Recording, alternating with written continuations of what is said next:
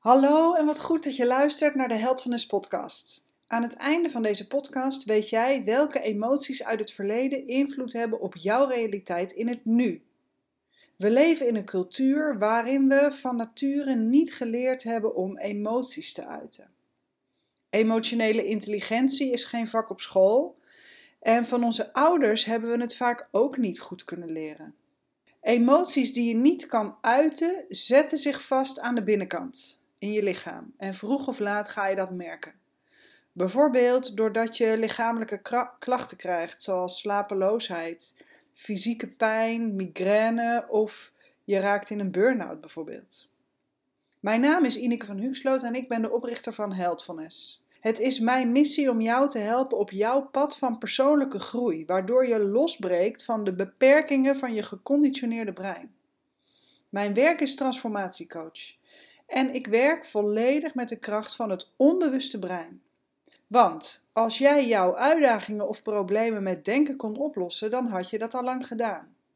Maar ruim 95% van je gedrag wordt aangestuurd door jouw onbewuste brein omdat daar al je vaste patronen, je overtuigingen, je gewoonten liggen opgeslagen. Als je dus iets wil veranderen, dan is je onbewuste de plek waar je heen moet. En ik wil je heel erg bedanken voor het luisteren, want dat betekent dat jij bezig bent met het investeren in jouw persoonlijke groei. En in kennis en inzichten die ook jou verder kunnen helpen om te groeien als mens en om je te verbinden met wie jij in essentie bent. Dus dank je wel daarvoor. Vind je deze podcast nou interessant? Dan zou ik het ook super vinden als je deze wil beoordelen met 5 sterren. Als je hem wil volgen of als je hem wilt delen op je social media. En op die manier help jij ook om de transformatieve olievlek te verspreiden. Laten we beginnen. Zoals ik net al zei, emoties die je niet kan uiten zetten zich vast aan de binnenkant. door ervaringen in het leven zijn we heel goed geworden in het wegstoppen van gevoelens. Maar ons lichaam heeft een verdedigingsmechanisme. Stress is een reactie op onveiligheid. En als je niet kan vechten of vluchten, en dat zijn vechten, vluchten en bevriezen zijn de natuurlijke overlevingsreacties. Maar als je niet kan vechten of vluchten, dan heeft je lichaam nog maar één andere mogelijkheid en dat is bevriezen.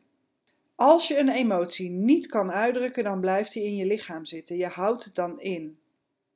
In de vorige podcast heb je misschien al wel meer gehoord wat ik uitlegde over energie. Alles is energie, alles is trilling.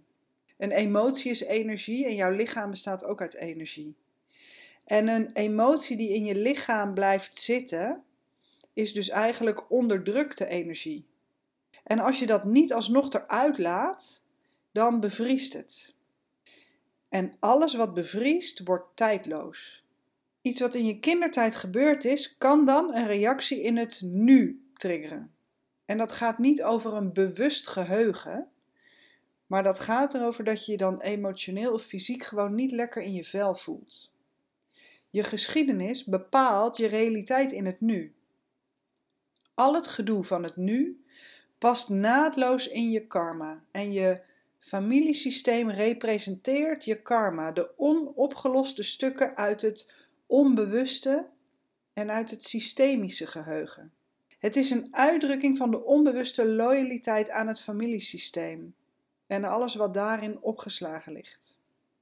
En als je kinderen hebt, weet dan, kinderen spiegelen 100% jouw eigen thema's. Dus door goed naar je kinderen te kijken en te luisteren, weet je ook welke thema's bij jou nog doorleefd mogen worden. Wanneer je niet geleerd hebt om je emoties te reguleren, dan is de kans dus groot dat je die emoties onbewust binnenhoudt. En de eerste, de beste trigger kan er dan voor zorgen dat emoties eruit komen. Maar soms is het gewoon niet handig als je je emoties meteen uitdrukt, hè? bijvoorbeeld op je werk. Dus je moet daarom leren om je bewust te worden van wanneer je emoties onderdrukt zodat je die op een later moment alsnog eruit kan laten komen. Want alles wat je binnenhoudt, lost niet vanzelf op. Moet je dan loslaten? En hoe laat je dan los? Het tegenovergestelde van loslaten is vasthouden, dus daarom is het eerst handig om te weten hoe je dan vasthoudt. Elke keer als je in verzet gaat, hou je vast. Als je weerstand merkt bij jezelf, hou je vast. Om los te laten moet je daarom blokkades kunnen opruimen. De vraag is of je ze moet loslaten of moet toelaten. Toelaten is het tegenovergestelde van wegduwen of je ergens tegen verzetten. In mijn ervaring is het toelaten van emoties juist enorm helend. Je geeft jezelf dan toestemming om even bij de emotie te zijn, in plaats van er zo snel en zo ver mogelijk bij weg te komen. Ik maak altijd de vergelijking met kinderen. Als een kind iets van zijn ouders wil, dan komt hij het vragen. En elke keer als je je kind negeert of afwimpelt, dan blijft het kind proberen. In ieder geval nog een aantal keer. Maar als je even oogcontact maakt, even echt luistert naar de behoeften en daar aandacht aan geeft, al is het maar kort, dan is het goed. Dan is het kind gehoord en gezien alleen, en alleen dat al geeft rust. En dan hoef je nog niet eens toe te geven. Hè? Het gaat erom, je hebt het kind gezien en erkend. En zo werkt het ook met emoties. Van nature zijn we geprogrammeerd om weg te gaan van pijn en naar genot toe te gaan. zo ben je geprogrammeerd vanuit een evolutionair principe. Maar in onze moderne maatschappij komen er zoveel meer prikkels op je af dan waar ons oerbrein voor geprogrammeerd is, dat je daarbij ook een veel groter scala aan emoties ervaart. En als je die allemaal binnen moet houden, dan is het niet zo gek dat je niet meer kan slapen. Of dat je heel druk in je hoofd bent. Of dat je vaker naar zoetigheid grijpt dan je zou willen. Of dat je jezelf urenlang afleidt op Netflix. Ik heb pas al een podcast opgenomen over hoe je ego jou in je comfortzone wil houden. En dat is met emoties toelaten net zo. Wij zijn zo geconditioneerd op sociaal wenselijk gedrag bang voor oordelen van buitenaf. We zijn zo ingeprent met hoe het allemaal hoort, dat we vaak niet eens meer goed kunnen voelen wat we nou eigenlijk voelen. Onze linker hersenhelft heeft daarnaast een enorme behoefte om te willen begrijpen, te willen analyseren en alles met logica oplossen. Hele verhalen maken we in ons hoofd. Dat is mannelijke energie dan neem je de intellectuele vluchtroute. En die energie, die mannelijke energie, is ook dominant in onze samenleving. Natuurlijk is mannelijke energie nuttig en nodig, maar alleen als die in balans is met vrouwelijke energie. Emoties voelen en emoties toelaten hoort bij de vrouwelijke energie. Let op, hè? ik zeg vrouwelijke energie, hè? niet vrouwen. Mannen hebben ook vrouwelijke energie nodig om in balans te zijn en vrouwen hebben mannelijke energie nodig. Pas als zowel de mannelijke energie als de vrouwelijke energie in balans is, ben je ook als mens in balans. En in onze maatschappij zien we een enorm dominante mannelijke energie en een onderdrukte vrouwelijke energie. En vanuit historisch perspectief bezien is dat al duizenden jaren zo. Macht, onderdrukking, geweld, dominantie zijn verweven in onze geschiedenis. En emoties, zachtheid, verbinding, in contact staan met de natuur, het vrouwelijke, is duizenden jaren onderdrukt geweest. De maatschappij is een weerspiegeling van wat in ons leeft. Misschien ervaar jij zelf ook wel heftige emoties in deze periode. Misschien ervaar je angst, onzekerheid, woede of druk en wordt dat dankzij het huidige maatschappelijk debat ook nog versterkt.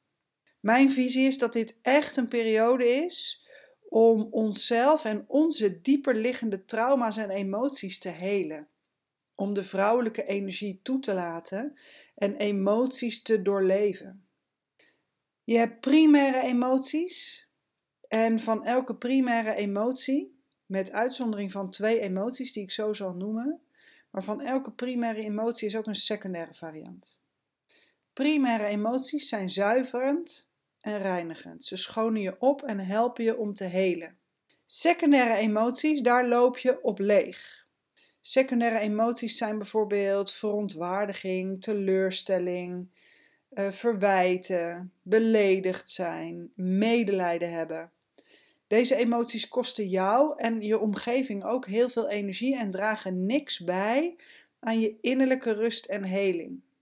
primaire emoties, zoals bijvoorbeeld verdriet, als je die toelaat en je kan het doorleven, dan zal je merken dat het relatief kort duurt en heel zuiverend en helend werkt.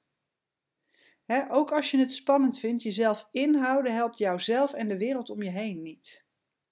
Nou, de enige twee emoties waarvan geen secundaire variant is, zijn schuld en schaamte. En deze emoties zijn ontwikkeld voor manipulatie. Door de geschiedenis heen zijn deze emoties ook veelvuldig ingezet om mensen eronder te krijgen of te laten doen wat van bovenaf opgelegd werd. Denk maar aan de kerk bijvoorbeeld en ook aan oorlogen. Dus je weet nu dat je emoties beter kan toelaten in plaats van ze weg te drukken of ze te negeren. Je weet nu dat het toelaten van vrouwelijke energie, hè, de zachtheid, de verbinding, het in contact staan met de natuur, wat al die tijd onderdrukt geweest is, al die duizenden jaren onderdrukt geweest is, dat dat nu eigenlijk nodig is als we onszelf willen helen. En als uh, wij zelf, als de maatschappij weerspiegelt van wat in ons leeft, dan zijn wij dus eigenlijk een heel getraumatiseerd volk, wat door angst geregeerd wordt. Ook dat zie je in het maatschappelijk debat in wat er in deze periode speelt. Dat angst een instrumentarium is om mensen aan te sturen. Maar mensen die dicht bij zichzelf zijn, die echt in hun essentie, hun autonome zelf en hun innerlijke kracht ervaren, die zijn veel minder gevoelig voor angst. Dus daarom is het mijn visie dat wij onze dieperliggende trauma's en emoties mogen helen nu, om die vrouwelijke energie veel meer toe te laten, waardoor de macht en de onderdrukking en de dominant, wat bij de mannelijke energie hoort, veel meer in balans komt met de vrouwelijke energie. En het is mijn visie dat dat de wereld en de mensen en de natuur ten goede komt. Maar goed, hoe ga je dat dan concreet doen, hè? Emoties toelaten. Nou, ik geef je een paar stappen. Ga eens rustig zitten. Concentreer je op je adem. En begin dan eens met voelen in je lijf. Voel wat je voelt in je lichaam. Misschien een sensatie, of een bepaalde warmte, of een bepaalde druk. En blijf dan even weg van het willen snappen wat het is of wat het betekent. Neem even alleen waar wat je voelt zonder oordeel. En geef ook jezelf toestemming om het niet weten vol te houden. En adem dan eens naar de plekken toe in je lichaam die om aandacht vragen. En laat alle gedachten die opkomen maar gewoon zijn. Geef ze geen aandacht. Laat ze zijn, maar schenk er geen aandacht aan. Richt je op je ademhaling en voel wat je voelt in je lichaam. En misschien merk je dan al dat er emoties komen. Gewoon door diep te ademen en even bij de sensaties in je lichaam te zijn. En als er emoties komen, dan mogen die gewoon komen. Buiten is meer ruimte dan binnen, dus laat alles wat, vrij, wat loskomt lekker vrij. En blijf ademen, dat is belangrijk. Blijf diep ademen, blijf je adem ook sturen naar die plekken in je lichaam waar je sensaties ervaart. En die sensaties die je ervaart zijn manieren van je lichaam om met jou te communiceren. Dus adem er rustig naartoe en wees met je aandacht bij die sensaties. En misschien merk je dan op dat de adem en de aandacht emoties losmaken of het gebied al iets verzacht. En laat even de behoefte aan een oplossing los. Dit gaat over onbewuste processen. En het willen of kunnen begrijpen draagt niet per se bij aan je proces. Dus um, kijk maar of je even gewoon kan zijn. Dat is voldoende. En doe dat eens eventjes voor een minuut of tien, gewoon helemaal rustig ontspannen en op je gemak. En voel dan eens hoe dat voor je voelt. En plan het eens in om dit iets van drie keer per week voor jezelf te doen. Gewoon tien minuten even rustig zitten, ademen en je lijf voelen. En laat dan de behoefte aan een verhaal erbij hebben of een verklaring zoeken even los. Gewoon een paar keer per week even zijn met jezelf en je lichaam zonder dat je een doel hoeft te behalen. Gewoon laten komen wat er komt. En het kan een sensatie zijn, het kunnen gedachten zijn, het kunnen beelden zijn, het kunnen emoties zijn. Maar laat maar gewoon even komen wat er komt. En je zal merken, als je dit vaker doet en je krijgt dat er naartoe ademen goed onder de knie, dat er ook wel emoties loskomen als je ze kan toelaten. En zodra emoties gezien en gevoeld zijn, hoeven ze geen aandacht meer van je te vragen. En hoeven ze je geen, hoeft je lichaam niet meer met jou te communiceren. Want dan ben je er al doorheen. Ik zou het super vinden als je mij eens laat weten hoe dit voor je werkt. Dus stuur me gerust een mail of een bericht via social media of een WhatsApp bericht en laat weten hoe dit voor jou werkt. En mocht je de behoefte voelen om eens een laagje dieper te kijken en daarbij ook alles wat onbewust is, bijvoorbeeld in jouw familiesysteem mee te nemen, dan kan je een belafspraak maken via www.heldfulness.nl en dan gaan we samen op een helend en transformatief avontuur. Ik hoop dat je van deze podcast weer inspiratie hebt opgedaan en ik wil je bedanken voor het luisteren en zorg goed voor jezelf.